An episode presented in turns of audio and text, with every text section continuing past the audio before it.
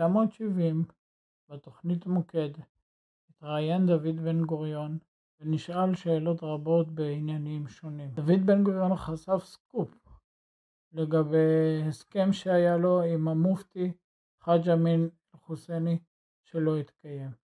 זה תוכנית ארוכה של כמעט שעה, אבל שווה כל דקה לשמוע.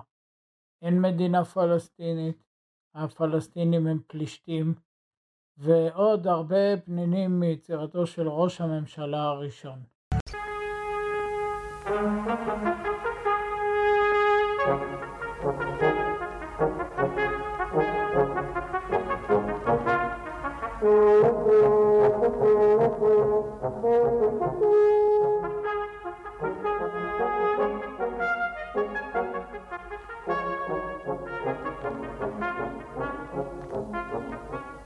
ערב טוב.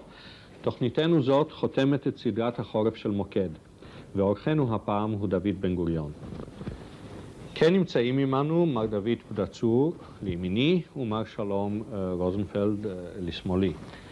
הייתי מציע, רבותיי, שנפתח את שיחתנו עם מר בן גוריון ראשית אה, בקומפלקס בעיות חוץ ומדיניותנו כלפי העולם וגורמים שמחוצה לנו.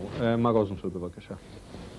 מר בן גוריון, בזמן האחרון אה, מתפתח בחלק מהציבור וגם אצל חלק מן הנוער מין תסביך אשם שהציונות אה, במשך כל שנות קיומה, ובמיוחד בראשיתה כציונות אה, מדינית, התעלמה מבחינה רעיונית מקיומו של היישוב הערבי בארץ, ומבחינה מעשית לא עשתה או לא עשתה די כדי לנסות למצוא הסדר עם הערבים, גם בתקופת אה, טרום המדינה ובתקופת המדינה.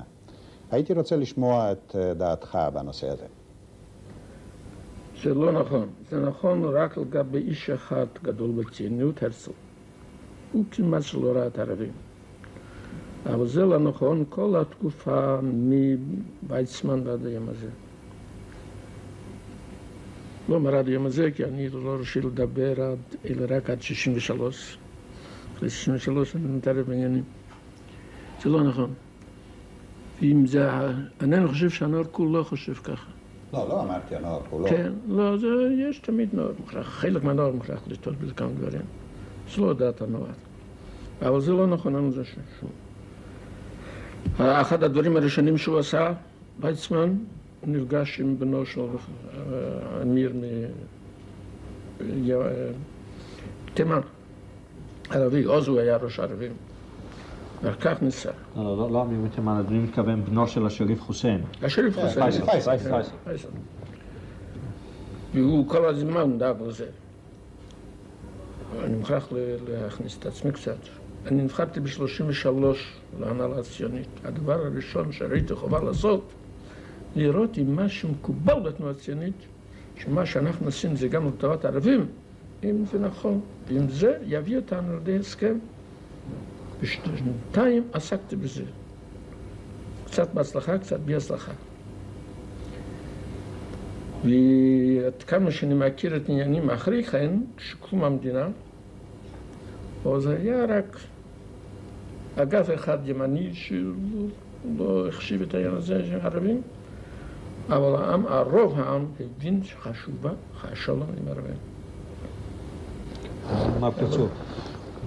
אה, בעידודך בפני הוועדה המלכותית אה, בשנת 1937, אתה אמרת, כשאתה מאמין שהשכנותיה של ארץ ישראל, אה, סוריה, עיראק ומצרים, יכירו ביום מן הימים שהאינטרסים של העם היהודי והאינטרסים של העם הערבי משלימים זה את זה. ומהם ההכרה הזאת תלך ותתפתח גם בקרב יושבי ארץ ישראל. מה אתה אומר כיום לאחר uh, ההתפתחות מאז? אני גם עכשיו משוכנע בזה. לא יכול להגיד מתי זה יגיע. אני מקווה שבמשך, נגיד, 10-15 שנים הבאות, נראה את הדבר הזה. כי לא אוכל להגיד שבהחלט, כי אי אפשר לדעת את העתיד, שום איש לא יכול לדעת את העתיד, כי יש גורמים שסתומים ואנחנו רואים אותם. אבל זה לא נכון. תמיד היה הציבור שלנו, הציבור שלנו תמיד יש יוצאים מן הכלל. ויודע שהעניין הדאגה גם לערבים זה חלק מהציונים. אה, אולי, אולי אני לא הסברתי את עצמי היטב בשאלת הפתיחה ואנחנו עלולים לגלוש אה, למישור לא נכון. אני, אה, אה, כשאמרתי שיש התסביך האשם, לא התכוונתי לכך שלא מכירים אה, בעובדה שהציונות האמינה שמה שהיא עושה בארץ ישראל זה גם לטובת הערבים. מה שאני מתכוון הוא שהציונות מבחינה רעיונית לא ראתה, כך לפחות אלה המאשימים בכך, לא ראתה את העם הערבי שיושב בארץ ישראל, לא את הערבים באופן בודד או ציבור אבל ערבי. האמת היא, זה לא נכון, רק בן הרצל לא ראה את זה. אבל כל אלה שקמו אחריו ראו את זה. האם אתה היום, מר בן גוריון, רואה זאת? האם אתה היום מכיר בקיומה של ישות פלסטינאית ערבית כאן? אם כן, העניין השם פלסטינה זה זה רמאות, זה הומצא על ידי היוונים. ליוונים היו חשבונות עם היהודים, כי היהודים ניצחו אותם במלחמה. אז הם לא רצו שהארץ יקרא בשם יהודיה, יהודיה, ברומאית. והם המציאו את החוכמה הזאת של פלישתים. היו שם יישוב פלישתים, כלומר יוונית, זה יוונים, שישבו על יד ים התיכון בדרום, אז אמרו, נקרא לכל הארץ הזאת פלסטין. אבל לא הייתה מדינה פלסטינאית, לא הייתה אומה פלסטינאית, לא הייתה פלסטינאית. נוצר משהו על ידי הפלסטינים בארץ, על ידי הפלישתים שבאו מיוון, ידי אלה שקוראים להם עכשיו פלישתים, פלסטינאים. לא היה דבר כזה. תרשה לי אה, לחזור לשאלה, לשאלה קודמת. אה, שוב נחזור לרגע לשנות ה-30. באותם הימים אתה גרסת כי הסיבה העיקרית לכך שמן הנמנע להשיג הסכם יהודי-ערבי היא בראש ובראשונה בחולשתנו. וכסיבה שנייה מנית את החולשה של התנועה הלאומית הערבית. מאז עברו לפחות 34 שנים, אנחנו נתחזקנו, והתנועה הלאומית הערבית איננה כפי שהיא הייתה באותם ימים, לא. גם היא נתחזקה. על סמך מה אתה משעין או מבסס את התחזית שלך שתוך חמש, עשר שנים, חמש עד חמש, עשר, חמש עשרה שנים. עשר, חמש עשרה שנים אנחנו נגיע למצב אחר? אני בונה על זה, אני אומר לך, בהחלט אי אפשר להגיד את זה. אי אפשר לדבר בהחלט על העתיד. כי הנביאים הישראלים, הנביאים היחידים האמיתיים, הם לא אמרו מה יהיה, הם אמרו מה תהיינה התוצאות עם התנהגות כזו, מה תהיה התוצאות עם התנהגות כזו. אבל לא ידעו מה יהיה, כי זה תלוי בהתנהגות של אנשים. אבל מידה שאפשר לראות, הגורם העיקרי עכשיו זה מצרים. זו המדינה הכי גדולה, ובראש המדינה הזאת עומד האיש הכי מוכשר בקרב המנהיגים הערבים, זה נאסר. הוא איננו רואה את הדבר העיקרי שנוגע למצרים, מפני שאין ליבו נתון רק למצרים, הוא רוצה להיות מנהיג עמי ערב. היו לו אמביציות יותר גדולות, להיות גם מנהיג כל אפריקה, להיות מנהיג האסלאם, אבל מזה כבר התייאש. אבל אני לא מניח שעשרות אלפים הסטודנטים שלומדים יודעים את מצב עמם, ודאי שיש ביניהם חלק גדול, החלק הגדול שהם דואגים לקריירה שלהם. הוא רוצה להיות מלומד, הוא רוצה לקבל משרה טובה, משכורת גדולה, אבל אינני יכול להעלות על הדעת שאין בקרבם, שיש מאות אלפים, אין בקרבם עשרות אלפים שהם דואגים לגורל עמם. ועמם הוא אחד המאמנים המעטים שנשארו מימי הביניים, שהרוב של העם זה פלאחים. הם עניים, הם חולנים, הם חוסרי כל השכלה. אז לא יבינו שיש צורך, יש דאגה פנימית לעם, לתקן את מצבם. הוא עשה כמה דברים עם נאסר, אבל רק בערים הגדולות. אבל. את מצב העם לא שינה. ואינני מאמין שאין אנשים נבונים בקרב המצרים, אשר אינם רואים את זה, שיש עכשיו אנשים שרואים את זה, אני יודע, אבל הם לא חזקים דיין. אבל מכיוון שמספרם מתרבה, יש שתי אופוזיציות במצרים, בין קצינים, ואני מבין מדוע, ובין הסטודנטים, בין האינטליגנציה. אם כן, הקצינים, אני מניח, מפני שהם מפחדים. אם יעשה איזה דבר, אז ישלקו אותם. אבל בין המלומדים, בין האינטליגנציה, לא ייתכן שלא יימצאו אלפי אנשים שדואגים לעמם. אם הדאגה העם היא תתגבר, אז הם יתעסקו ויטיבו את המצב, ואנחנו נוכל להיות לעזרה רבה. אבל לא עניין העזרה שלנו, אלא לא, השמרת ישראל זה האידיאל שלהם. מה, מה זה ייתן להם? אה, מר בן גוריון, אין זה סוד, ואתה בעצמך רמזת פעמים מספר על ניסיונות שנעשו על אה, ידך למצוא איזשהו גשר אל נאצר, כן. במישרין, גם בעזרת אה, מתווכים למיניהם. מה העלית? ובכן, אני ניהלתי משא מתן, אני אוכל לקרוא, באנשים מסוימים שניהלתי. זה ארבעה סוגים. אחד לבנוני, הגענו להסכם. יש לי ההסכם בעברית ובערבית. באיזו תקופה? זה הכל הייתה פתאום, כשמיד לאחר שנכנסתי לנו לצוות. שנות ה-30. אה, זאת אומרת, לפני קום המדינה. לפני קום המדינה. כן. על קום המדינה היו גם כן, אבל אסור לגלות. זה התנהל בתנאי סודיות גמורה. אני רציתי לפרסם, טרם שראיתי, לאחר שקראתי את זה, ראיתי שאי אפשר לפרסם. ולכן, אז עם אחד בא כוח לבנון, שיהרגו אותו. היה לי הפגישה הראשונה, הייתה לי עם הראש של הסתכלות בארץ, אנה בלאדי. אולי השם הזה ידעו לכם. כן, כן. אבל השיחה הכי גדולה הייתה באמצעות איש אחר, מתווך, עם המופתי, שנוסחה ארבעה חודשים. והאחרונה הייתה עם לא מנהיג, אבל התיאורטик של הערבים, נוצרי, סורי, אנטוניוס. אבל עם השניים, עם ראש אסתקלל, ארנה בלהדי, עם המופתי, הגענו להסכם. כי אני באתי מיד עם עצם הדבר. מדינה יהודית משני עברי ירדן, ועזרה לעמי ערב שישתחררו ויתאחדו.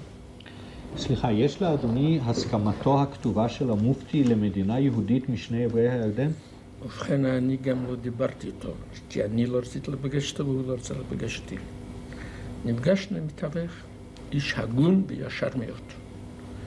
וזה נמשך ארבעה חודשים, כי לא התחלנו ישר. אם אני התחלתי מהעיקר. אבל פה התחלתי ממה שמקובל בתנועה הציונית, אני לא האמנתי בזה, מה שמקובל. אני אמרתי, אנחנו נגיד לכם ברכה וכולי, והוא ענה לי, אני בוחר שהארץ הזאת תהיה ענייה עוד מאה שנה, עד שאנחנו נוכל לפתח אותה. ואני הבנתי, ואני אמרתי בליבי, אילו הייתי במקומו, הייתי אומר אותו דבר. פה אז ניגשתי אליו בעיקר, הקמת מדינה יהודית ועזרה לערבים להשתחרר ולהתאחד. וזה, הוויכוח הזה, באמצעותו נמשך ארבעה חודשים, והגענו להסכמה. היה נחוץ רק שגם אנשים שיושבים בז'ניבה, הוועד שלהם, שהוא יחתום. ונסעת להם. אבל המופתי, האיש שדיבר בשם המופתי, אמר כן. המופתי כתב וחתם משהו או לא? לא חתם. אה, האיש אמר שם. לא, לא, האיש, האיש, אני מכיר איש כן, כן. אבל אני בכל זאת לא התכוונתי לזה. אה, אתה עמדת שנים רבות אה, בראש המדינה. אבל אחרי המדינה היו משא מתן, אבל הם היו בסודי סודות. אני לא יכולתי למסור לחברי הממשלה. אם כי היו ארבעה חברים שהשתתפו בשיחות האלה. שרת, קולק ואחיו של... הוא עכשיו ברסל גולדה. שני אחים שאביו היה נביא. הרצוג. רגע, אבל זה היה עם נאצר או עם גורמים ערביים אחרים? זה היה עם נאצר, הכל עם נאצר. מתי? בימים הראשונים לאחר ההפיכה, או בשלבים יותר מאוחרים? חדשים אחרונים לפני מבצע סיני. והיוזם היה אייזנהאואר. הוא שלח איש מיוחד, אבל זה בסודי סודות. הוא שמע את זה כל כך בסודי סודות, שהייתי מוכרח לבקש את פולה של אשתי.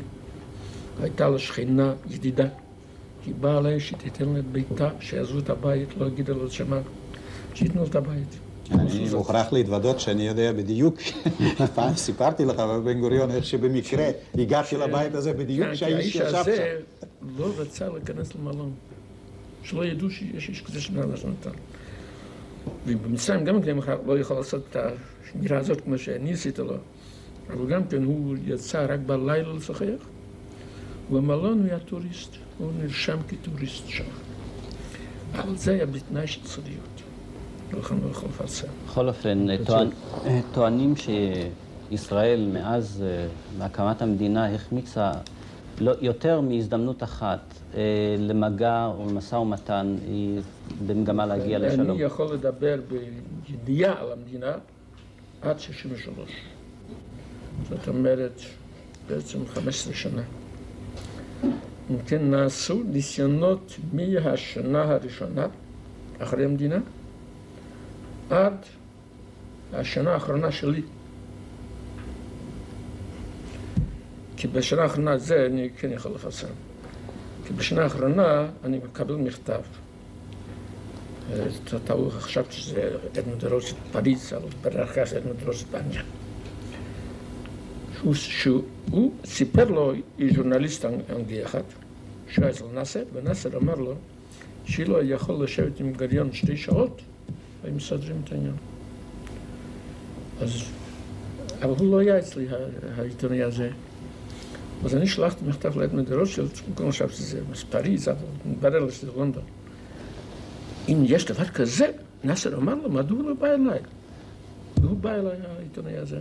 הוא גם הסביר לו מדוע הוא לא יכול לבוא אליי, כי הוא עורך של עיתון גדול, ומוכרח לשוב. אמרתי לו, אבל תיגש עכשיו לנאסר. הוא ניגש לנאסר. זה היה כבר בראשית שנת 1963. אז נאסר אמר לו, אנחנו עכשיו עשינו פדרציה של שלוש מדינות, אולי תדעי מה שכתוב שם, הוא לא אמר לו מה, אבל יודע למה הוא התכוון שם, יש להשמיד את ישראל. עכשיו לא יכול לטפל בזה. אבל הוא הודה לי שהוא אומר, הדבר המשונה בעיניי, שאני פקפקתי עם זה אמת, היה אצלי עיתונאי אחד צרפתי, ידוע, ידוע לכולכם. הוא בא אליי, אחרי זה, ואומר סיפר לי שעל השיחה שהייתה, ואומר שנאסר, זה היה לפני חצי שנה. שנאסר אמר לו שלא יכול לפגש אותי מסדרים את העניין. בליבי הייתי כמעט בטוח שזה לא אמת. יכול להיות, פתאום עכשיו נאסר יגיד דבר כזה. אמרתי בליבי, אני אראה, הוא ידפיס את זה בעיתונו או לא. אני קראתי, והוא כתב מאמרים אחדים על הפגישה שלו. זה לא היה שם. באחרונה מושמעת... זה יהודי, יהודי צרפתי, גרוע ממושמעת. באחרונה מושמעת ביקורת על הממשלה שהיא איננה נוטה לשום פשרה ואיננה נוקטת יוזמות או צעדים לשלום. האם אתה סבור שהסכמה לנסיעתו של דוקטור גולדמן לקהיר הייתה מאותם, מאותו סוג של מעשים שהיה מקרב את ההבנה, מחזק את, סולל דרך למגעים? בעניין גולדמן. מעניין די מישהו הזמין אותו. מי הזמין אותו? לשם מה הזמינו אותו? לא ברור לי שהזמינו אותו. ולכן אין אצלי חוות דעה על כל העניין הזה, העסק הזה שבשבועות האחרונים נעשה העסק של גולדמן. הדבר העיקרי לא ידעו לי. מי אמר לו שנאסר רוצה לראות אותו? אילו. מה זה אילו? אילו. על, על, על אילו כזה לא אמר שום דבר. אבל אני אמרתי שאני אתן תשובות על דברים שעד 63. לא, אבל אני מבין שעל אילו קשה לענות, אבל נניח אתה ראש ממשלה, מגיע אליך בן אדם כמו גולדמן ואומר, יש לי אם סימוכים... מגיע, היית אומר מקודם, מי אמר לך אז שנאסר רוצה? נניח, נניח היה אומר לך השגריר היוגוסלבי, נניח. מה היית עונה, היית היית נותן? אומר לו, מדוע לא אמר לך איש של נאסר? כי לי היה עניין עם יוגוסלביה. הרי אתה ניסית פעם אחד, על ידי טיטו. אחד הניסיונות שעשיתי בשעת המדינה, זה עם יוגוסלביה. קראתי בעיתונים שנאסר נוסע ליוגוסלביה. אמרתי בלבי, טיטו הוא איש שוחר שלום. היה לי חבר פה, שהיה לו חבר ידיד גדול של טיטו ביוגוסלביה. קראתי לו, אמרתי לו, עליך לגשת ליוגוסלביה. תראה את הידיד שלך. תאמר לו, שאמר לטיטו, שנאסר יבוא, יגיד לו, מדוע אני עושה שלום. הוא נסע האיש הזה, הוא ראה את הידיד שלו, והידיד שלו הלך לנאסר, לנאסר, לטיטו, וטיטו אמר, אין לי מכתב מבן גוריון, אז אני לא יכול לעשות את זה. אז הוא ידיע לי, אז שלחתי לו מכתב בעניין זה. אז קיבלתי ממנו תשובה. זמן רב לא ענה, הוא ענה רק ימים לפני בואו שלו, נאסר. אמר, אני יודע שלא יצא מזה כלום, ואני לא יכול לעשות את זה. הוא כתב עוד שם, יש שם קומפלימנטים, אבל זה חשוב. אני, אני חושש מהבן גוריון, אני חושש מהמילה סבור, שאולי מבלי משים, אולי לא מבלי משים, חיווית את דעתך על אספקט אחד אה, של עניין גולדמן, וחיווית את דעתך אה, באמצעות אזכור מעשיך מלפני שנת 63. עניין גולדמן, אני רק אומר שאני אינני יודע אם באמת נאסר פנה אליו. אבל אתה אני הזכרת... לא שמעתי שאיש אחד אמר שנאסר פנה אליו. אבל אתה הזכרת שבשלב מסוים אה, ניהלת, נאמר, משא ומתן אה, אה, בסודי סודות, אף מבלי ידיעת הממשלה. כלומר, אתה פירשת... בלי דין וחשבון לממשלה. דין וחשבון לממשלה. אתה פירשת אז את תפקיד ראש הממשלה פירוש מרחיב, פירוש שבסיטואציות דליקטיות מסוימות מסמיך את ראש הממשלה. לא, היא לא היה לידי שלום איתם, הצטרו הממשלה. כן, לא, אבל מגעים מוקדמים. אה, לא, לא. הייתי רשאי להביא, לא הייתי רשאי להביא. כן, כן, אבל מאידך גיסא פירשת את תפקידך כרשאי בתוקף כן. היותך ראש ממשלה, לא להיות רשאי להביא כן, לממשלה. אני מסתר מי שאני לא אפרסם את השיחות, כן. כי יש לי כל השיחות. כי לא אוכל לעשות את זה לאיש הזה שניהל את השיחות. אבל לי לא פרסמתי, העולם היה מכיר את נאסר כמו שהוא. רבותיי, אולי בתחום זה של יחסי חוץ, לא רק עניין הערבים, אלא גם עניין גורמי חוץ לא ערביים, ענייני המעצמות, מר רוזנפלד אולי. האם, האם אתה מעריך, מר- בן גוריון, שהמצב הפוליטי הנוכחי אה, ביחסים בין שני הגושים הגדולים, ואני עדיין אינני מזכיר כבר את המעצמה השלישית, שרק השבוע נתבשרנו איך שהיא חודרת למועדון הגרעיני, אבל נצטמצם לפי שארצות הברית וברית ורוסיה, המועצות, כן. שהיחסים בין שתי המדינות האלה הם גורם מסייע או גורם מפריע לאפשרות של הסדר בינינו לערבים? ובכן, אוכל להגיד רק מה שאני יודע בבטחה. המדינה היחידה אשר עמדה לנו בשעה המכרעת הגדולה, וכמעט בלי עזרתה, אינני יודע אם היינו משיגים מה שהשגנו, זו הייתה רוסיה. אתם יודעים שהרוסים היו היחידים, הראשונים שהציעו באו"ם שיש צורך במדינה יהודית. וכולם התפלאו, אני לא התפלאתי, כי לי היו ידיעות לפני זה על זה. מאיזה מקור שם אני יכול ללמוד. אמריקה התחרתה על מה שעשו. לא, לא הנשיא, אבל State Department לא ת- ת- יכול להמציא להתערב. הם יצאו בהודעה כבר אחרי שהוחלט כבר.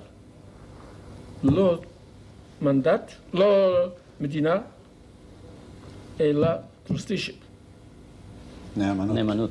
נאמנות. באותו היום, במקרה הייתי לא בירושלים, ששם הייתה הנהלה ציונית, אבל ראיתי חובה לעשות לתת תשובה מיד, בלי לשאול את חבריי, והודעתי באותו יום, המדינה לא תקום בכוח החלטת או"ם, היא תקום רק בכוח הכוח היהודי שהולך ומתארגן. בגדולתו, מצבה, אומר, גם כן יקבעו על ידי זה. זהו, היית מוכרח להגיד מפני שקם בממשלה הזמנית, עוד לפני שהכרזנו, והוא דרש שאי אפשר להכריז על מדינה מבלי להגיד מהם הגבולות. ואני אינני יוריסט, אם כי למדתי משפטים פעם, אבל אינני יוריסט, כי זרקו אותי באמצע הלימודים, אחרי שתי שנים, גירשו אותי מטורקי, לעולם לא, על לא שום דבר עובד. אני אמרתי, א', אני לא יודע שיש חוק כזה, ב', אני יודע שיש מדינה אחת, אשר בשעה שהכריזה על עצמאותה, לא הודיעה על גבולות. והגבול שלו עכשיו אינם הגבולות האלה שהיו בשעת עצמאות, זה אמריקה. והעיקר אמרתי, אילו הערבים היו מקבלים את החלטת או"ם, זה היה שניים שלושה ימים לפני הכרזת המדינה, כלומר זה היה אחרי כל החלטה שלו. והם מקבלים את זה, כי אנחנו לא, לא סמכנו על הגבולות שהם קבעו. אמרנו, זה הגמר. אבל הערבים לא, אומרים שלא, הם יהרסו את המדינה. הם לא מסכימים להחלטת או"ם, והם יבטלו את החלטת או"ם. הגבולות ייקבעו על ידי הצבא שלנו. וככה עבר. הגבולות שארבע מדינות שלחמו בנו, חתמו על הסכם, הסכם שביתת הנשק, לא היה גבולות שאמרה האו"ם. הגבולות, מה שאמרה האו"ם זה היה לא הגליל המערבי, לא הדרך לירושלים, לא יפו, כן. צפת, לא יפו, לא רמלה, לא לוד, לא הרוב של הנגב. וכל זה נשתנה. אבל היום, והם חתמו על זה. ואנחנו שם, אלה הם הגבולות. מה בן גוריון, האם זה מוביל אותך למסקנות למצב היום, כפי ששאל מר רוזנפלד? מצב היום, אם כן, היום אני מדבר כאחד משני מיליונים וארבע מאות אלף יהודים בארץ. המצב היום, אין, כרגע, בזמן הקרוב ביותר, אין שום סיכוי לשלום. אילו היה, אילו היה זה תלוי בי, והיה סיכוי לשלום, הייתי אומר, להחזיר את השטחים מלבד שניים. ירושלים וגולן. להחזיר את השטחים נהיה כי שלום יותר חשוב מזה. הייתה דעתי כל הזמן, אמרתי את זה בכמה פעמים בעיתונות. גם עכשיו, אבל לצערי הגדול, אינני רואה סיכוי כזה קרוב. אז באיזו מידה באמת המדיניות של המעצמות הגדולות, ובמיוחד ברית המועצות, כן, אני, מה שרוסיה עשתה אז, מה שהמדיניות שלה זה ידוע, אנחנו יודעים מה היא מסטינה על ישראל. איך מספר שקרים, ורוב העם אינני מאמין, האינטליגנציה אינני מאמין ברוסיה למשהו כזה, הם יודעים שזה שקר. אבל אינני יכול להגיד שהם רוצים להשמיד את ישראל. שהם? שהם רוצים להשמיד את ישראל. נאסר אומר את זה בגלוי, פירוש, וחוזר על זה. אני לא יכול להגיד שרוסיה רוצה להשמיד את ישראל. אינני יכול להבטיח שלא. אבל לא אקח על עצמי להגיד שרוסיה רוצה להשמיד את ישראל. בריאיון זמן קצר לפני מלחמת ששת הימים, אמרת שאתה מאמין שביום שההתקרבות בין הגושים, כלומר בין ארצות הברית וברית המועצות, תהיה התקרבות של ממש, אתה מאמין שישתנה המצב גם באזור. והנה אנחנו מרגישים שישנה לפחות הידברות וקרבה יותר גדולה במישור הדיפלומטי, והמצב הוא, כפי שאתה רואה, שברית המועצות לא זו בלבד שהיא איננה צועדת לקראת שינוי יחסה לטובה לישראל, אלא היא צועדת לקראת החרפה. היא לא צועדת לקראת יחסים טובים. היא צועדת לקראת החרפה. האם אתה... האם אתה... אני לא זוכר שאני אמרתי את הדברים שאתה אמרת, שאני אמרתי. רגע, אני יכול אבל לא חשוב. אני לא זוכר שאמרתי את זה. אבל יכול להיות שכן. האם גם אתה סבור שהבעיה המרכזית שניצבת בפני מדינת ישראל בטווח הקרוב, בטווח ארוך, היא הבעיה הרוסית, והאם לדעתך ניתן למנוע אין עימות? ספק שרוסיה זה גורם גדול. המצרים לא יכולים לעשות מה שהם עושים בלי הרוסים. בשום אופן שלא. לא. אבל אני עוד פעם אומר, אינני יכול להגיד שאני יודע שהרוסים רוצים להשמיד את ישראל. השאלה אם אנחנו יכולים למנוע עימות איתם, אם זה תלוי בנו בלבד. עמדת הרוסים בוודאי שלא תלויה בנו. אני מסופק אם היא תלויה בכלל ברוסים. רק ברוסיה יש משטר כזה שלא היה כמו בעולם, שלא עלה על דעתו של לנין, עכשיו חוגגים מאה שנה. מאה שנה של לנין, לא עלה על דעתו של לנין משטר כזה. שהם קוראים את אותו, אותו השם, אבל זה דבר ההפך הגמור ממה שעלה על דעתו של לנין, לא, אבל זה לא שייך לעניין.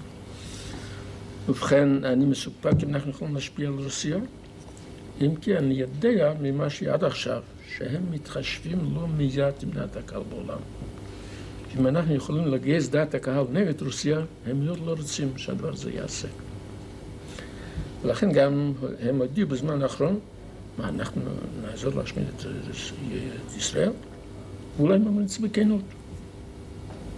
אם כי אינני יכול להגיד ככה או אחרת. היות ורק בדרך אגב הזכרתי את אה, כניסתה של סין למועדון האטומי, ואני יודע, שמעתי. שמעתי אה, פעמים מספר את אה, דעותיך על, ביחס לכוחה או מעמדה העתיד של סין בעולם.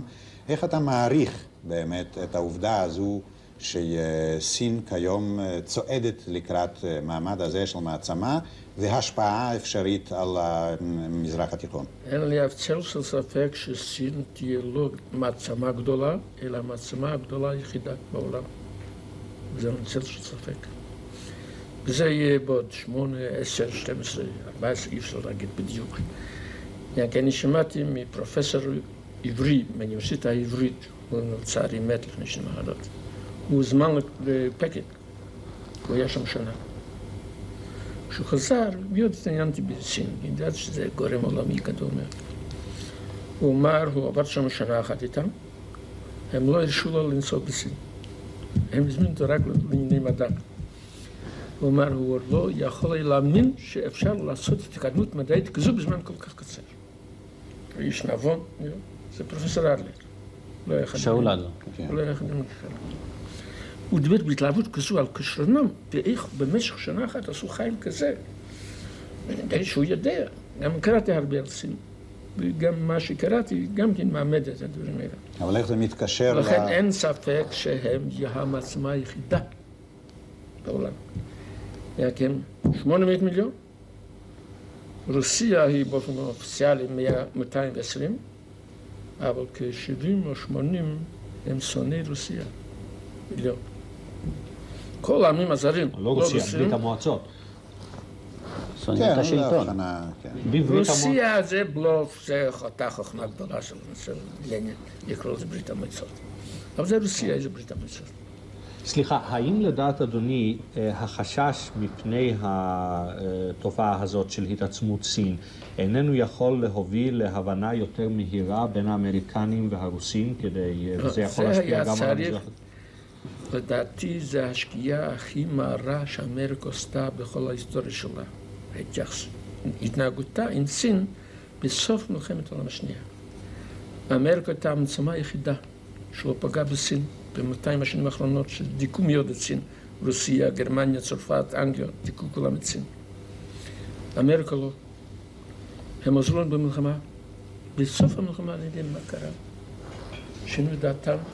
בסין זה מנוול אחד, חוליגן, שיש משן קשק. והוא ברח מסין. הוא יושב בפורמוזה, שם יש 11 מיליון איש, רק מיליון אחד סינים, והוא בא כוח של סין, באו"ם. ויש לו זכות וטו, אמנם הוא לא משתמש בזה כדי שלא יספרו את זה. אבל האמריקנים עשו משגה פטאלי, והייתה לי בעניין זה שיחה עם, עם קנדי. לפני שנהרג, אני לא יודעת שנהרג, הוא לא ידע שיהרג.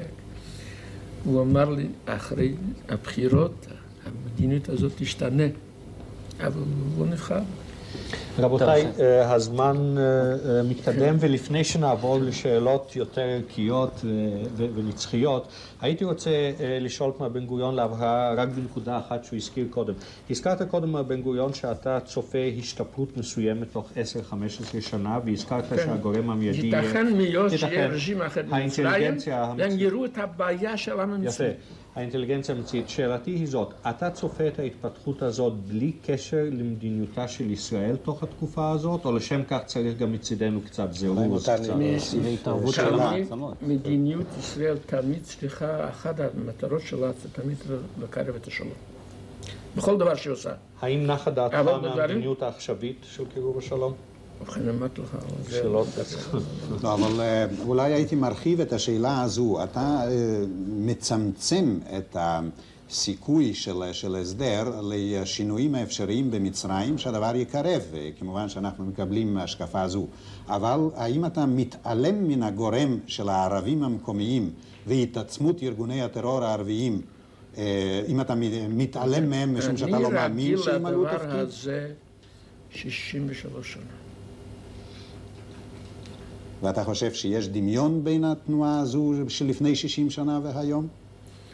ואני אומר לך, איזה חוויה הייתה לי, לא עם טרור, אלא עם ידיד שלי, שלמדתי יחד בקושטו באוניברסיטה. עם ידידים טובים, הוא היה איש הגון, איש הגון מאין כמוהו. וכשאני, בן צבי, הוחלט לגרש אותנו מהארץ, לעולם ועד, על מנת לא לשוב. אבל אי אפשר היה לגרש מפני שלא הייתה ענייה. צריכים לשלוח אותנו באיזה ענייה. אז אסרו אותנו, אבל כיוון שהיינו סטודנטים, כיוון שהיינו נתינים בתימנים. אז התהלכנו חופשי בסביבה ההיא, רק בלילה היו סוגרים אותנו. ביום אחד בא אליי היליד הזה ערבי, סטודנט, גם כן בקושטון, שאני מכיר אותו כאדם ישר שבין- אין הרבה אנשים כאלה אצל הערבים. הכרתי עוד אנשים אחרים כאלה.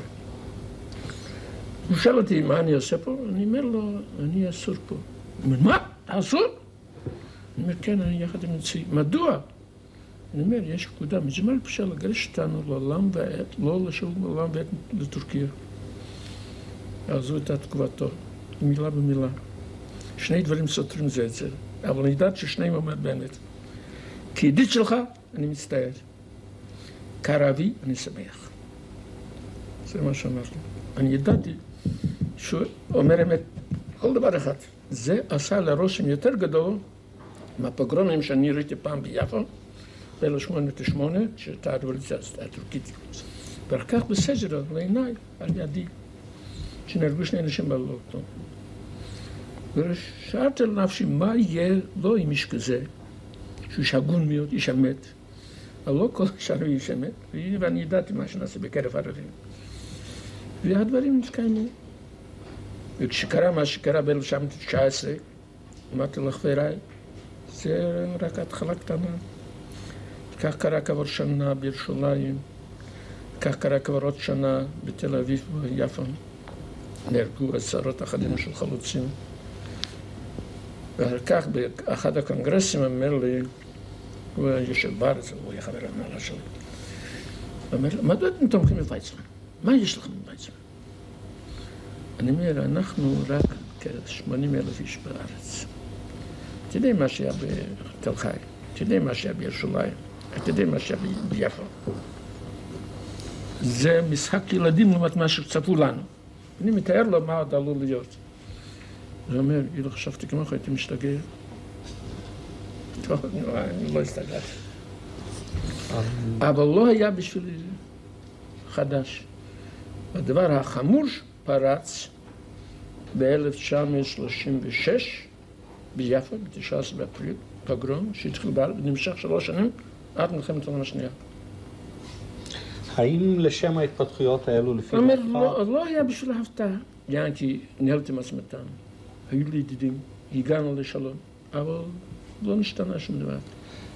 האם לפי דעתך יש צורך גם באיזו דמות, דמות רוחנית אה, מיוחדת של המדינה, אולי מראש רוצה יש צורך? להיות שאנחנו נכיר באמת, שאני הכרתי בו תמיד, ואני גם עכשיו, אבו כתבתי הרבה על זה.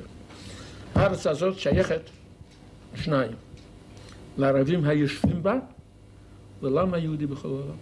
אתה התבטאת כמדומני אה, שאינך מאמין באלוהים. היינו, אינך מאמין במציאות אלוהית במובן התיאולוגי המוסכם. בדיוק, במובן המוסכם, מה מוסכם? אדרבה, אבל. האמת היא ההפך. כן. אינני בטוח בשום אמת, כמו שאני בטוח באמת של אלוהים. אתה מאמין באלוהים היסטורי, תיאולוגי, יהודי, במובן של... לא במובן של מה. אתה דאיסט, או שאתה מקבל את התיאולוגיה הספציפית אני הממוסדת קרוב היהודית? להיות, לא אומר פנתאיסט, אם כי קרוב לפנתאיזם, אבל אתאיסט. אני, כלומר, אני בטוח שיש אלוהים. יותר ממה שאני בטוח בכל דבר אחר. טוב, אבל אתה אינך מאמין באלוהים במובן הממוסד התיאולוגי היהודי. במובן הפולחני. אצל היהודים יש גם כן הבנות שונות. סליחה? זה אין הבנה אחת אצל כל היהודים. טוב, היהדות. היהדות, היהדות ההלכתית המסורתית הידועה לנו בהיסטוריה, לא יהדות אפשרית, אלא היהדות גם ה... כן בהם היו הבנות שונות. אני, אני יכול להגיד לך מה, מה תפיסתי אני. אינני יודע מה הייתה תפיסת האם אתה אנשים מאמין לפני 500 בהתגלות? אתה שנה. מאמין בהתגלות, אתה מאמין ש... לא, שאיש דיבר אלוהים, לא. לא. ובכן. אה. מה אם כן שורש אמונתך בשיוך הארץ הזאת לעם הזה? אם הוא לא הובטח לו, כפי שמתואר על ידי אלוהים, על ידי מי וכיצד הובטח, אם הובטח? איך אתה מבדיל בין ההבטחה לבין המבטיח? יש לנו היסטוריה של אר- ארבעת אלפים שנה בארץ הזאת. אין היסטוריה לשום עם אחר בארץ הזאת.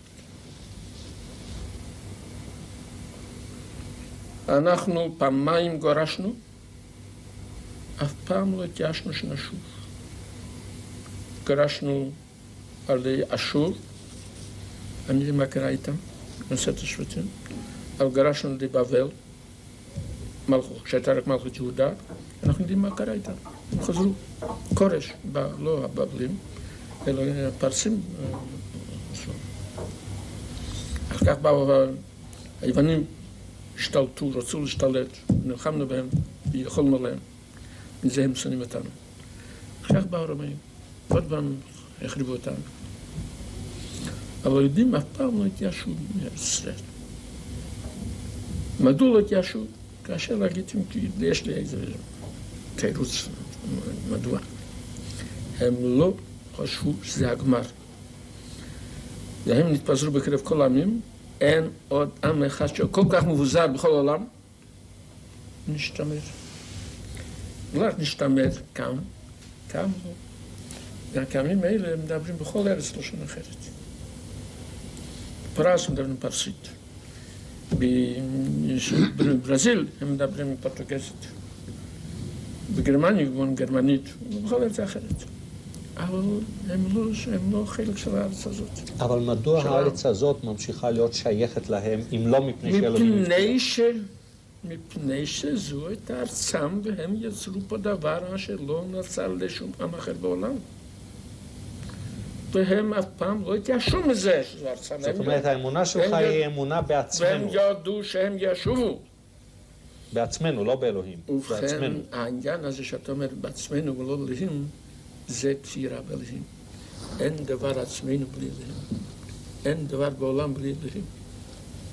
אבל איננו רוצה כאן איזה לא, אז אולי, אולי דווקא מכאן, אולי דווקא מכאן תפיסתי נגלוש... קרובה לא הרבה, רחוקה לא הרבה מתפיסתו של שפינוזה, אבל כן, כן, יש שינוי. אבל אם אתה, אם אתה מאמין בזכותנו על הארץ הזו, אה, מדוע אתה בקלות כזו מוכן לוותר על שטחים שהם שטחי הארץ הזו? מפני שאילו הערבים היו מקבלים את החלטת או"ם מ-29 בנובמבר, אני הייתי בעד זה שאנחנו נקבל את זה. לא אני הייתי בעד זה, גם כי זה דעה שאחת לא קובעת כלום. אלא הרוב הגדול שלנו היה בעד זה.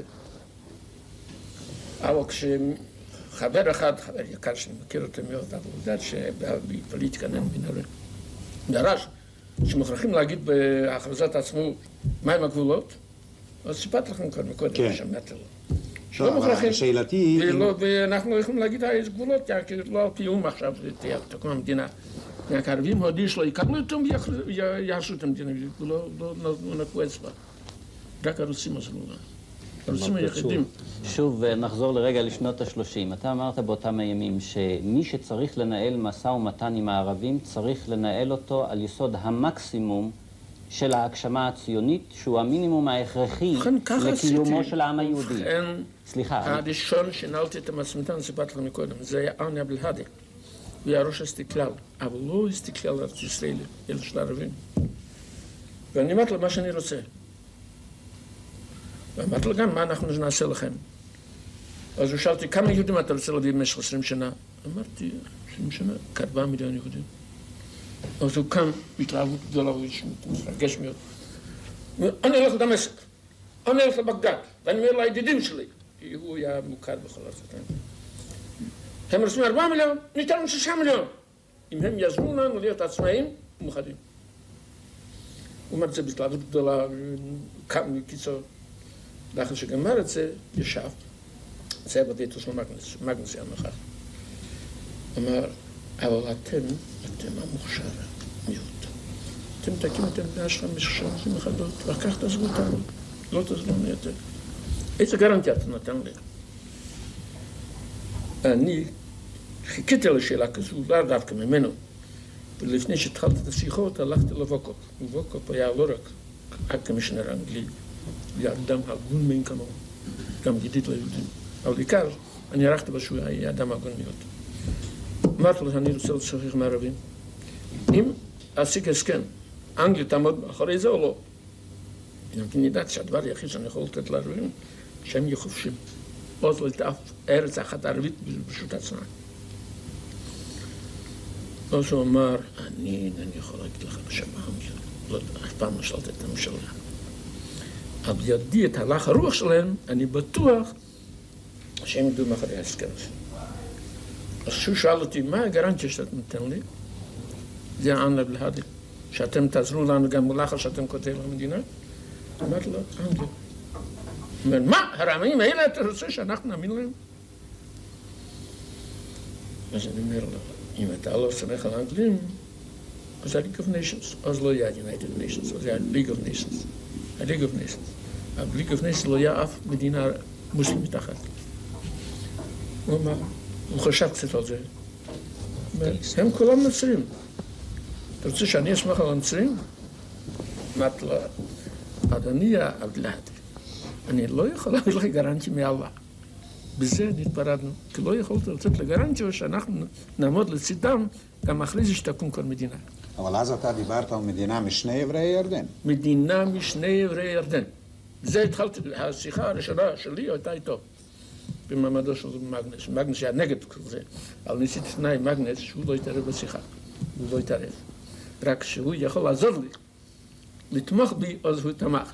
אבל נגד, אני ידעתי שדעותיו הן הפוכות. כן, לכן אני שואל את זה כיוון שיש גם היום קונספציה מסוימת, שנניח אם נחזור ליחידה זה- מדינית משני עברי זה היה הירדן, 1934. נכון, אבל אני מנסה לחזור לימינו אלה. לימינו אלה אני יודע שהם, לא, אין לדבר איתם על זה כל ארץ ישראל. עם מי? עם ערביי ארץ ישראל. עם הערבים בכלל, ואני יודע גם שאין לנו עניין בזה. כי עכשיו יש לי יותר ניסיון בארץ, ואני יודע שיש לנו, הייתה לנו מדינה, והגדלנו אותה, לא כמדינה שהאו"ם נתנה לנו, זה אני אמרתי עוד בממשלה הזמנית, כן. לפני הכרזת עצמו. המדינה תקום לא בכוח או"ם עכשיו, והיא לא הגבולות שלו, היא תקום רק בכוח הצבא שלנו, אם יהיה לנו צבא, והגבולות שלו ייקבעו על ידי הצבא. הם נקבעו על ידי צבא. לא הגבולות שלנו. אני- קודם, כשמר רוזנפלד שאל, אבל עכשיו, אלה הגבולות. ואני באחד הימים בקונגרס, בכנסת, הודעתי, אחרי החתימה, רק היו ויכוחים, היו מתנגדים לחתום את ההסכם. הימין, מנדט שייך לימין. אינני טועה. טוב, מה לא, אני, לא, אני. אין אין לא, אני- ששייך אני- אומר לגנאי, לא לגנאי, זה עובדה. לכן הודעתי שאם הערבים, אם אפשר לעשות הסכם של שלום, כי ההסכם שביתת הנשק, הסעיף הראשון מחייב לעשות שלום. הם לא קיימו את זה. הם לא קיימו שום דבר שיש בהסכם שביתת הנשק. אבל אמרתי, אם הערבים מוכנים להסכים לשלום על יסוד הסטטוס קוו, אני בעד זה שנעשה איתם שלום למאה שנה לכל הפחות. אז קם ציר אחד ונפל עליי טוב, מהימין. ציר אשר לפני ששת ימים בא אליי שאני אהיה השופט ראש הממשלה שר הביטחון. בארץ יש היום למעשה שני ויכוחים. יש ויכוח אחד, מה תצטרך לישראל לוותר תמורת שלום, אם וכאשר יהיה שלום, ויש ויכוח שני, מה לעשות עד לשלום. אז יש לי שאלה, האם אתה מחייב אה, מעשה התנחלות, ועל פי איזה שיקולים אסטרטגיים? לכן אני אומר לך, אני אומר לך את זה, שהזכות הפרינציפיונית יש לנו על כל הארץ, בזה אין ספק, אבל לא על כל מה שיש זכות זה אפשר. ואני הייתי בטוח שאם אפשר לעשות שלום בינינו ובין ערבים על בסיס הסכם שביתת הנשק והגבולות ההם, לא עבר הירדן, לא מערב ארץ ישראל, גם בלי ירושלים למעשה. או- גם בירושלים, כמו שהיה אז, עד ששת הימים. כן. אני הייתי בעד זה, אמרתי זה בכנסת, ורק הימין הקיצוני הוא היה נגד זה. ואני, ב- ואני יודע מה, מה מצב הרוח בקרב העם. אני קצת יודע גם עכשיו, אבל עכשיו לא הייתי לוקח לעצמי להגיד שהעם חושב ככה. מדוע אתה מתנה היום אין לו מה- שדווקא ירושלים לא? זה הגולן. לא, לא, גולן זה בכל זאת בעיה קצת אני- אני- אני מחדד את לא השאלה של ניתנה להם? והם תפסו את ירושלים בניגוד להחלטות האו"ם. גם אנחנו תפסנו בניגוד. להחלטות האו"ם. אנחנו... הם עשו פלביסציט שאישר את שלטון חוסיין שם. מה? הם עשו עשו משאל. עם שאישר את אה, שלטון חוסיין שם. אבל הם עשו בניגוד להחלטת האו"ם. לא. מה אתה אומר לי? לא. החלטת האו"ם זה עובדה שנתקבלה ב-29 בנובמבר 1947. מה זאת אומרת לי? לא. כן, זה החלטת האו"ם, הם קבעו את הגבולות. והם לא קבעו, הם קבעו, מערב ארץ ישראל יחולק לשניים. על מזרח ארץ ישראל לא היה שום דיון, כי זה הוא היה- המלך שם. רק מערב ארץ ישראל אמרו חלוקה, מצד אחד מדינה יהודית, מצד שני מדינה לא יהודית, ערבית, אבל תהיה ברית כלכלית בין שניהם. זה מה שהוא החליטה. הם לא שמעו על זה, והם לקחו לעצמם גם מערב ארץ ישראל וגם מזרח ארץ ישראל מדינה אחת. אבל אני אמרתי על יסוד ההחלטת, על יסוד הסכם שביתת הנשק, אנחנו מוכנים לעשות חוזה, מדברים על יסוד הסטטוס קוו, כמו שהוא. הסטטוס קוו הזה היה, חלק ירושלים היה בידינו וחלק היה בידינו. ומלבד בגין איש לא התנגד לזה, מפלגתו. וזו היה לחלוף של, של עם ישראל. לא מפני שחושבים שאין לנו זכות, אלא מפני שאין אפשרות כזו, ואין גם הכרח. בשבילי היה שני הדברים האלה. אין הכרח לזה, ועל זה נצטרך להילחם, ואני הייתי נגד זה שנלחם בשטחים. ואני ידעתי שהשטח שיש בידינו לפני ששת הימים, הוא מיושב רק אחרי עשרים שנה, רק ב-20 אחוזים שלו. וב-80 אחוזים איננו, איננו מיושב לגמרי. ואם זה יישאר ככה לעולם ועד, אז המדינה לא תתקיים. ולכן אנחנו יכולים, לדעתי, אנחנו יכולים להביא לארץ, מדינת ישראל, כלומר, אם יבוא משיח, אם יבוא משיח, והוא יגאל את ישראל ויקום החיים והמתים, טוב, זה אני מניח לארץ. אבל כל זמן שאין משיח כזה, והוא לא בא כבר מאלפיים שנה, לכן אנחנו זקוקים, לפי הבנתי, זה לא דבר קטן, לא כל כך קל זה יהיה. אנחנו זקוקים לעוד חמישה-שישה מיליון יהודים. ובשבילם יש מקום בשטח שהיה לנו עד ששת הימים.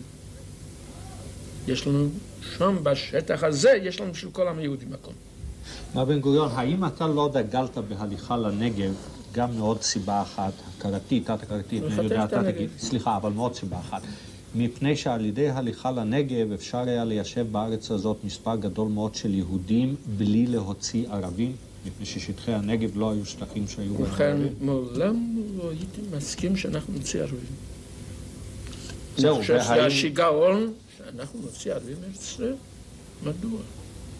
אמנם הם לא עשו בארץ הזאת מה שאנחנו עשינו, בשבילם זה לא נחוץ כמו שנחוץ לנו. מדוע זה שניהלתי את המשא ומתן הסכים לזה ששני עברי ירדן? אני לא אמרתי שנעביר את הערבים, כמו שאמרה הלייבר פארטי. הם קיבלו החלטה ב-44 שצריך להקים מיד מדינה אחרי גמר המלחמה, משני עברי ירדן, ולהעביר את כל הערבים למדינות ערביות. הם חילקי זה אנחנו, ירושה זה של אנחנו אף פעם סבתא לא של אמרנו. איש אחר. זה אנחנו אף פעם לא הצענו. אבל אני ידעתי שיש מקום בשטח הקטן כביכול, של ישראל לפני ששת הימים, לכל העם היהודי. אבל לא האמנתי, לא האמנתי אף פעם שיש כל העם היהודי. וזאת אחת האטרקציות של הנגב בתודעה שלך? ששם לא, זה לא היה הייתה מתאפשר? שאלה שצריך לפתח את הנגב. זה 60 אחוזים של הארץ, של המדינה. וגם שזה היה מאפשר להושיב הרבה יהודים בלי להוציא ממקומם ערבים, בנגב. לאורך החוף אנחנו זה לא אי אפשר. זקוקים להוציא אף ערבי אחד בשביל המטרה שלנו להביא את כל היהודים. אילו יכולנו להביא את כל היהודים, אפשר להביא אותם מבלי להוציא אף יהוד ערבי אחד, אלא להפך היינו משאירים את הערבים. אילו הלכנו לנגב. מקומות. כמובן, בנגב זה 60 אחוזים של הארץ. אבל בן גוריון. בינתיים קרה משהו ויצאו ערבים. ובהחלט לא ובכן, באשמתנו. אז באמת אני חולק על זה, הטענה שיש של פליטים. אנחנו לא גירשנו מארץ אף ערבי אחד. נעשה עוול במקום אחד, דר, יאסין. דר יאסין. אבל לקבוצה קטנה שכל העם התקומם נגד זה. אולי אתה עלית מתקומם. אני לא מנסה לגנאי או לא לגנאי. היה כבעניין דעות, שאדם יש לו דעה כזו, יכול להיות שהדעות שיש לי, אני רואה שהוא איננו שותף איתי באמונה בלעים. אז טוב, מותר לו לחשוב אחרת. כל אדם יכול לחשוב כמו שהוא חושב. ואני אינני שונא אדם מפני שיש לו דעה הפוכה מה שיש לי. לכן אני הייתי בטוח, ואני בטוח גם עכשיו, שאלמלא לא היה בששת הימים, היינו יכולים להביא את כל העם היהודי מתוך מדינת ישראל שבידינו, מבלי להוציא אף ערבי אחד. לא אבל הם יצאו להוציא, אלא ב-48. זה היה מאשר, מעשיר את הערבים. אבל אלה שיצאו ב-48, מכן אלה שיצאו ב-48 הייתה דעתי ודעת רבים מחבריי שיש כאלה שצריכים להביא אותם והבאנו אותם זה ל- לאיחוד משפחות. יש כאלה ש... יש, כל המשפחה עזבה. יש כאלה שחלק מהמשפחה עזב והם רצו לשוב. החזרנו 40 אלף איש. ובכן הייתה לי, כשהיה הוויכוח כבר לאחר המדינה מי שחשוב שאני שמעתי על זה, שאני לא מוסר על זה, שאני לא מפרסם את זה מפני שזה סוד, שהוא בא בשם אחת המצלמות הכי גדולות בעולם. הוא בא אליי עם השאלה הזו. על השאלה הזו ישבתי רק לבדי. ידעתי שהם צריכים לתת לה הסברה של שעות אחדות. וישבתי איתו והסברתי לו קודם כל עבודות, איך הם היו. ואני אמרתי לו, אתה לא חייב להאמין לי. אני אתן לך את העובדות שהערבים כותבים על זה, מה שקרה בימים ההם. ואחר כך הסברתי לו שלא אילו היה זה תלוי בנו, לא היה ערבי אחד עוזב את הארץ. כי עזיבת הארץ התחילה מ-30 בנובמבר 47, לאחר החלטה, התחילה עזיבה. התחילה עזיבה לא טרס גדול, לא המונים, בעיקר עשירים. כך ההתחלה של עזיבה המונית התחילה בחיפה, הודות למופתי. אנשי חיפה לא רצו להכניס את החוליגנים לחיפה. לא רצו ששם יהיו מלחמות בין יהודים וערבים. אבל בשנים האחרונות, בזמן האחרון, המופתי לחץ להם ככה, הם יכולים להסכים לזה. ונכנסו כפיות. פה זה תל מלחמה, זאת אומרת, עם ההגנה. משום מה, עד עכשיו אני מבין מדוע זה. ראש הפיקוד הצבאי העליון הודיע שהוא לא יתערב. תילחמו. האנגלי. אנגלי. כמו, אז זה הצבא רק אנגלי. והוא ישב בכרמל, והם לא התערב. ואנחנו ניצחנו אותם. כשניצחנו, אז ההגנה ניגשה לוועד הערבי בחיפה, הזמין אותו. ואמר לו, בעוד שלושה שבועות אנחנו מכריזים על מדינה. לכם יהיה כל הזכיות, שוויון מוחלט עם כל היהודים. אתם רק צריכים למסור לנו את הנשק. כי בנשק הזה הם רצו להשמיד את היהודים. והם הסכימו על זה, קם אחד מהם, ואמר, אנחנו לא צריכים לשאול את הוועד הערבי העליון. זה עניין רציני. אז הסכימו לשאול את הוועד הערבי העליון. ועד הערבי העליון ממש היה, זה היה מופתי. כי הוועד הערבי העליון היה מוכרח לברוח מהארץ, כי הם רצחו פקיד מצרי גבוה, מצרי, פקיד אנגלי גבוה, אנטוניוס. לא, אנדרוס. אנדרוס. אנדרוס. אנדרוס. זה היה... מושל שכם. לא, לא, הם מושל של- הגליל. כן. הגליל. לכן הם כולם ברחו. אז הם שאלו אותם, אז המופתי אמר להם, לא, אל תתנו את הנשק, תעזבו את הארץ, בשלושה שבועות תשובו, ולא לבתיכם, אלא לבתי היהודים הטובים. אז קמו כחמישים וחמשת אלפים איש ועזבו את חיפה. כשלושה, ארבעת אלפים נשארו, נשארו עד היום. אחר כך קרה אותו דבר בצפת. בצפת זה היה במפלא, שם היה רוב ערבי גדול. ההגנה לא הייתה כל כך גדולה וחזקה כמו שהייתה בחיפה, אבל גם כן ניצחו אותם. אבל כולם עזבו. אחר כך קרה אותו דבר בטבריה. לא, בטבריה היה לפני. בטבריה משום מה הממשלה שלחה אוטובוסים ולקחה את כל הערבים עד האחרון. הם נוציא את כל הערבים. וכך קרה אותו דבר ב- ביפו. זה היה שני ימים לפני החלטת העצמאות. אז גם כן עזבו, לא כולם, כי שלושת ארבעת אלפים נשארו עד היום הזה. טוב, לא גירשו אותם, הם עזבו. ובכן, חכה, קרה עוד משהו. כשקמה המדינה, באו יהודים. והיה ויכוח בממשלה הזמנית אם, אם רצויה העלייה בלתי מוגבלת. והיו אחדים, לא אקרא בשמם, הם מתחייב. לא, אי אפשר שתהיה עלייה בלתי מוגבלת. זה יהרוס את המדינה הקטנה. ענייה, שלא יהיה אוכל, לא יהיה- לא לא ספר. לא ואני ועוד חברים אמרנו, לא, העלייה, מדינת ישראל מלכה בלתי מוגבלת, זה- הארץ של העם היהודי. והוחלט ככה, הרוב הגדול היה בעד ואז באו חמש מאות אלף יהודים ערבים מארצות ערב. לא יהיה מקום. אבל היו מקומות שנתרוקנו, אז הם נכנסו שם. ועכשיו הם אומרים שיש מיליון ומאתיים אלף פליטים. מאין הם? והשטח שהיה שלנו, בשטח הזה ישבו מימי האנגלים, בימי שהאנגלים עוד היו פה. קצת פחות מ-300 אלף איש. לא כולם עזבו, אבל הרוב הגדול כן עזב. מאין הוא מופיע עכשיו מיליון 200 אלף? והארץ הזאת יכולה לקבל מיליון 200 אלף ערבים? הארץ הזאת לא יכולה לקבל, אתה רק לי את השאלה של הנגב,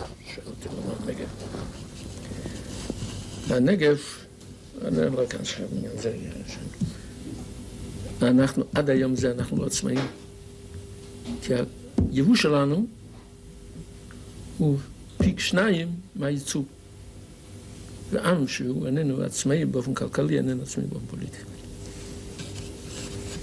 אז אני אמרתי, יש רק, אני רואה רק דרך אחת, איך שאני במשך לא הרבה שנים עצמאים, אם אנחנו נקים תעשייה גדולה בנגב, בשביל ארצות ערב, בשביל אסיה. כרגע כל הייצוא שלנו הולך לאירופה ולאמריקה. הם לא זקוקים לנו כל כך. הם יכולים לחיות בלי הייצוא. אני יודע שארצות אסיה, מלבד יפן, ואני מוסיף לזה גם סין. הם לא מסוגלים לעשות מה שאנחנו עושים, ועוד הרבה שנים, גם אם הם מתקדמים, והם מתקדמים, אבל גם אנחנו מתקדמים. עוד הרבה עשרות שנים לא יוכלו להגיע לדרגה שלנו. לכן זהו אפשרות שאנחנו בזמן קצר נהיה עצמאים. אבל לשם כך צריך לעשות את זה רק בנגב, מדוע? מפני שזה קרוב לאסיה.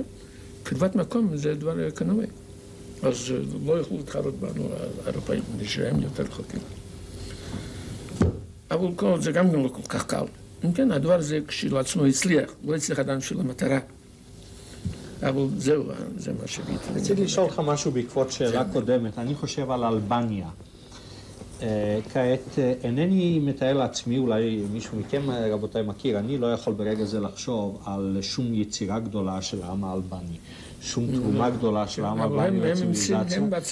טוב, אני גם אינני חושב על מה שיצר העם האלבני בארצו באלבניה. יחד עם זה אני אינני חושב, מר בן גוריון, שתאמר, היות והם לא יצרו שהעם האלבניה לא שלהם. ובכן, במה נפלט הישות הפלסטינאית מאלבניה? אני אומר שלא קודם אמרת שהישות... אני אומר שגם הפלסטינים זה אלה ש... שהם לא יצרו פה. אלה שברחו מהארץ, מי אמרנו לברוח? אך כאן, רגע אחד. לא, לא, אלה שכעת בגדה המערבית. אין לי תעודות בדפוס. בטבריה יש תעודות בדפוס. לא, לא, אני מדבר על הגדה המערבית, לא על מי שברחו, על מי שכעת יושבים. אני מדבר על אלה שברחו מתוך מדינת ישראל, לא הגדה המערבית. סליחה? אני מדבר על, לא על הגדה המערבית, אני מדבר על מדינת ישראל, היא לא רק חלק של הגדה המערבית. מדינת ישראל רק חלק של הגדה המערבית, לא כל הגדה המערבית. גם לפי התחזית האופטימית שלך, אנחנו נחיה כנראה, כפי שאנחנו חיים בסטטוס קוו הנוכחי, לפחות 20 שנה. עד שהערבים יאותו, אם יאותו לעשות שלום. מה, מה עלינו לעשות עם האוכלוסייה שחיה איתנו, האוכלוסייה הערבית, מהם כאלה שברחו ממקום... אנחנו מדברים על תושבי יהודה והשומרון. היום, לא, לא, היום תושבי חברון, שכם, רמאללה, ועזה. מה עלינו לעשות איתם? להשאיר את חלקם במחנות, או לתרום איזה שהם... הבעיה שאתה, כשצמצמת אותה, היא רק חלה על עזה. על עזה, על עזה.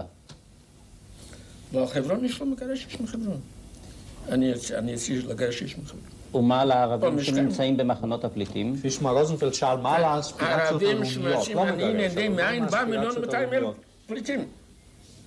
הם אף פעם לא יהיו בשטח שלנו. אף פעם לא יהיו בשטח שלנו. זה בלוף כל העסק הזה. והם לא מעוניינים בפליטים שמיטים. זה אחד הנימוקים שלהם להמיץ את ישראל. אבל מר בן גוריון, בלי פליטים, נשכח על הפליטים. אני חוזר לשאלה של מר רוזנפלד. כיצד תנהג באספירציות הלאומיות של יושבי הגדה היום, לא פליטים, יושבי הגדה היציבים? מה, מה לעשות? אני אומר לך, אם יש שלום, אז הם ישבו בארצם. בארצם? בארצם. אני אומר, אני בעד זה שנחזיר עם שלום, שלום אמיתי, ירושלים וגולן, לא להחזיר. וכיוון שלא יהיה נניח בעוד עשר או חמש עשרה שנה שלום, אם לא בלי שלום, לא. אבל הם רוצים להשמיד אותנו. רגע אחד, יש רק שתי אלטרנטיבות, שלום והשמדת ישראל. אחרי שנסכים להשמדת ישראל, אני לא מוכן להסכים. אני חושב שלא יכולים לעשות את זה, גם אין סיבה מדוע להשמיד אותנו. אנחנו לא אנשים כמו האחרים, אני לא חושב שאנחנו יותר טובים אחרים. יש לנו זכות קיום. וזו ארצנו. פעמיים העולם כולו הכיר בזה. אומות המאוחדות, אבל לפני אומות המאוחדות, איך נקרא אז? חבר הלאומים. חבר הלאומים. ומלבד זה היו אישים בודדים עוד לפני מאה שנה, מאתיים שנה. אולי אני אשאל את השאלה ככה.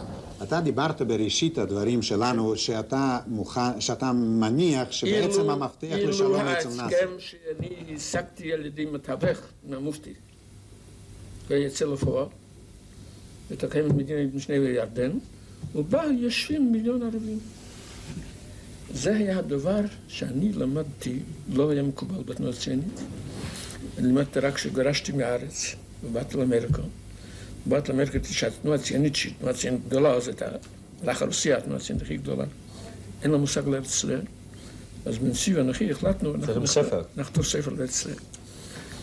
וכתבנו כרך אחת רק, הצלחנו להיות עוד ארבעה כרכים. אבל ישראל זה הלכנו לגדוד. ובאמת זה שם גדול, אבל מה שהראש מגדול שעשה באמריקה, שעזר לנו להקים גדוד, זה אצלנו ספר על השמר.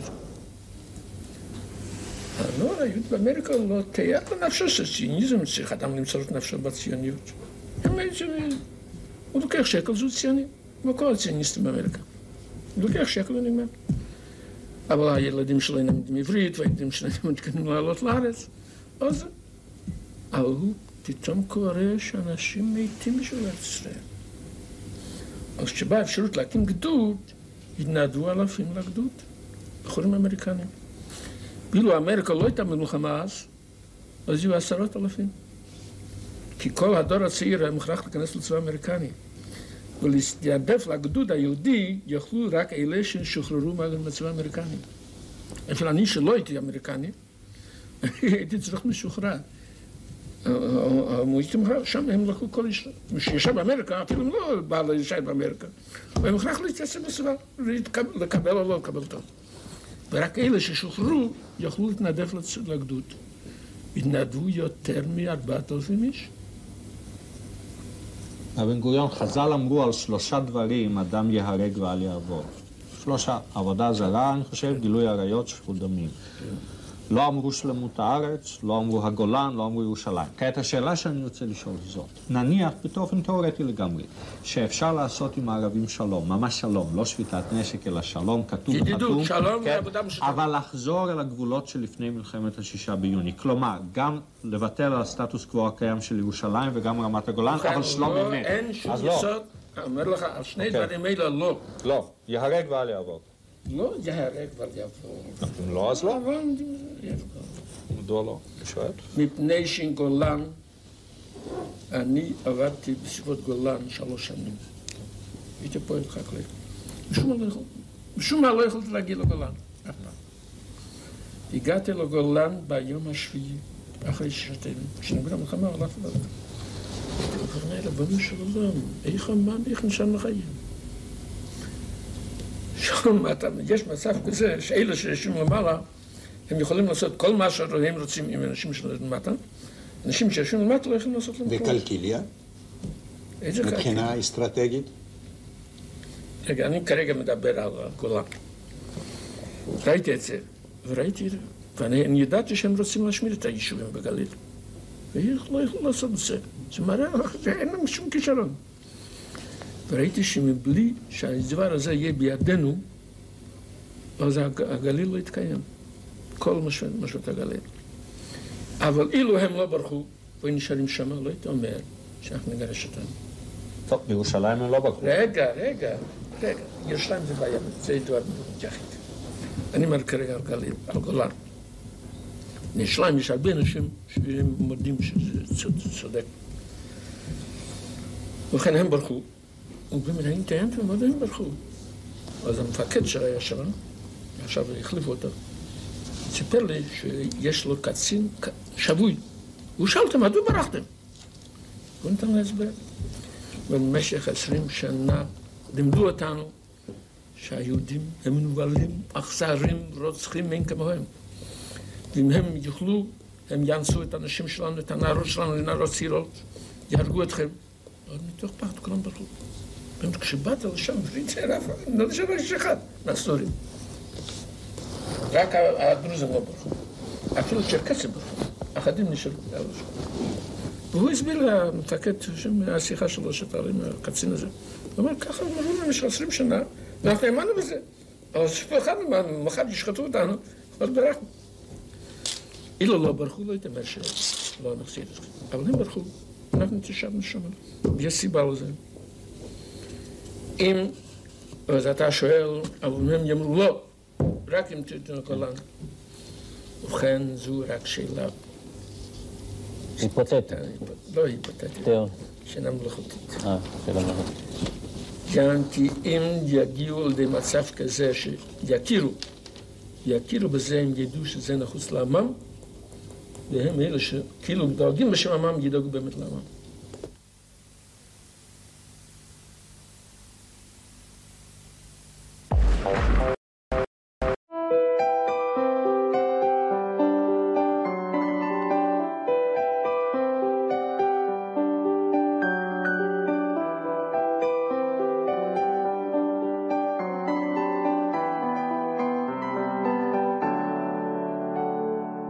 תודה שהקשבתם. נשתמע בפרק הבא.